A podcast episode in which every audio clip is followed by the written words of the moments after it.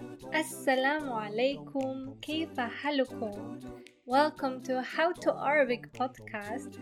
In today's episode, I will compare MSA Modern Standard Arabic with Saudi dialect. Are you ready? يلا. كم عمرك؟ كم عمرك؟ While this sentence in MSA would be Kam omruka. Kam omruka. It means how old are you when addressing a male. The second sentence in the Saudi dialect is في أي مدينة تعيش؟ في أي مدينة تعيش؟ في أي مدينة تعيش؟ في أي مدينة تعيش؟ You might have noticed that they were pretty similar, right? because Saudi dialect and MSA modern standard Arabic are very similar because they are both different varieties of the same language, yes? And that's what I wanted to show you with those previous two examples. That only a bit of pronunciation tweaks and that's it. However, now let's move to the next one. Shismic. Shismic. Can you guess what does it mean? Yes, you're right. That's Masmuka. Masmuka. What's your name? ايش شغلك؟ Ma'amaluka. Ma'amaluka. It means what's your job? Have you heard that the question word ma was changed to esh or sh? Yes, that's right. We change ma or mada to esh or sh in Saudi dialect. Another thing that you might have heard is that obviously some words might differ.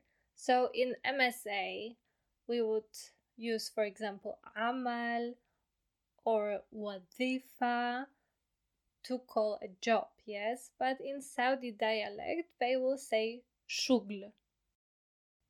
Now listen carefully to the next two examples. There is another question word that will change. من وين أنت؟ من وين أنت؟ من أين أنت؟ من أين أنت؟ Where are you from? وين تشتغل؟ وين تشتغل؟ أين تعمل؟ أين تعمل؟ Where do you work? So, Yes, Aina changes to Wayne.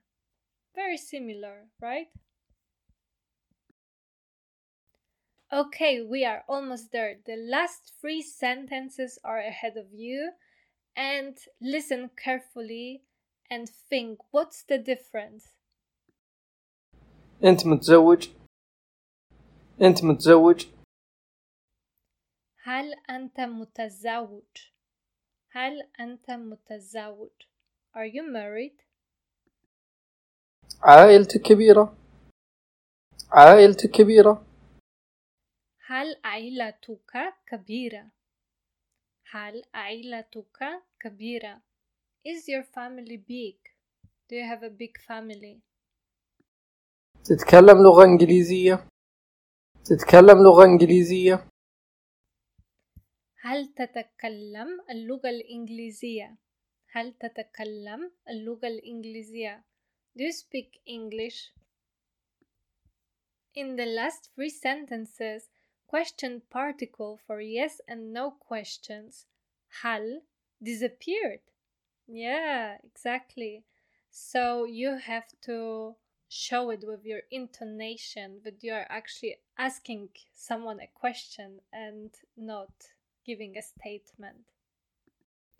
I hope you found useful this podcast. And if you would like a part two, please let me know. You can comment below or even send me an email. And if you would like to see the transcription of this episode as well as the previous one, make sure to go on buymeacoffee.com and look for how to Arabic there. You'd be able to access for free the transcript of all the episodes I have published, so make sure to check it out. Please note that the person reading Saudi dialect text is from Saudi Arabia, from the eastern region. So, as you may know, Saudi Arabia is a big country, and within one country, there are many different dialects. So, if you have a friend from Jeddah or Riyadh, they might say those things, they might pronounce it a bit differently. Same with some typical words, they might differ from one area to another area. So, just be conscious of that. Thank you for listening. Ma salama.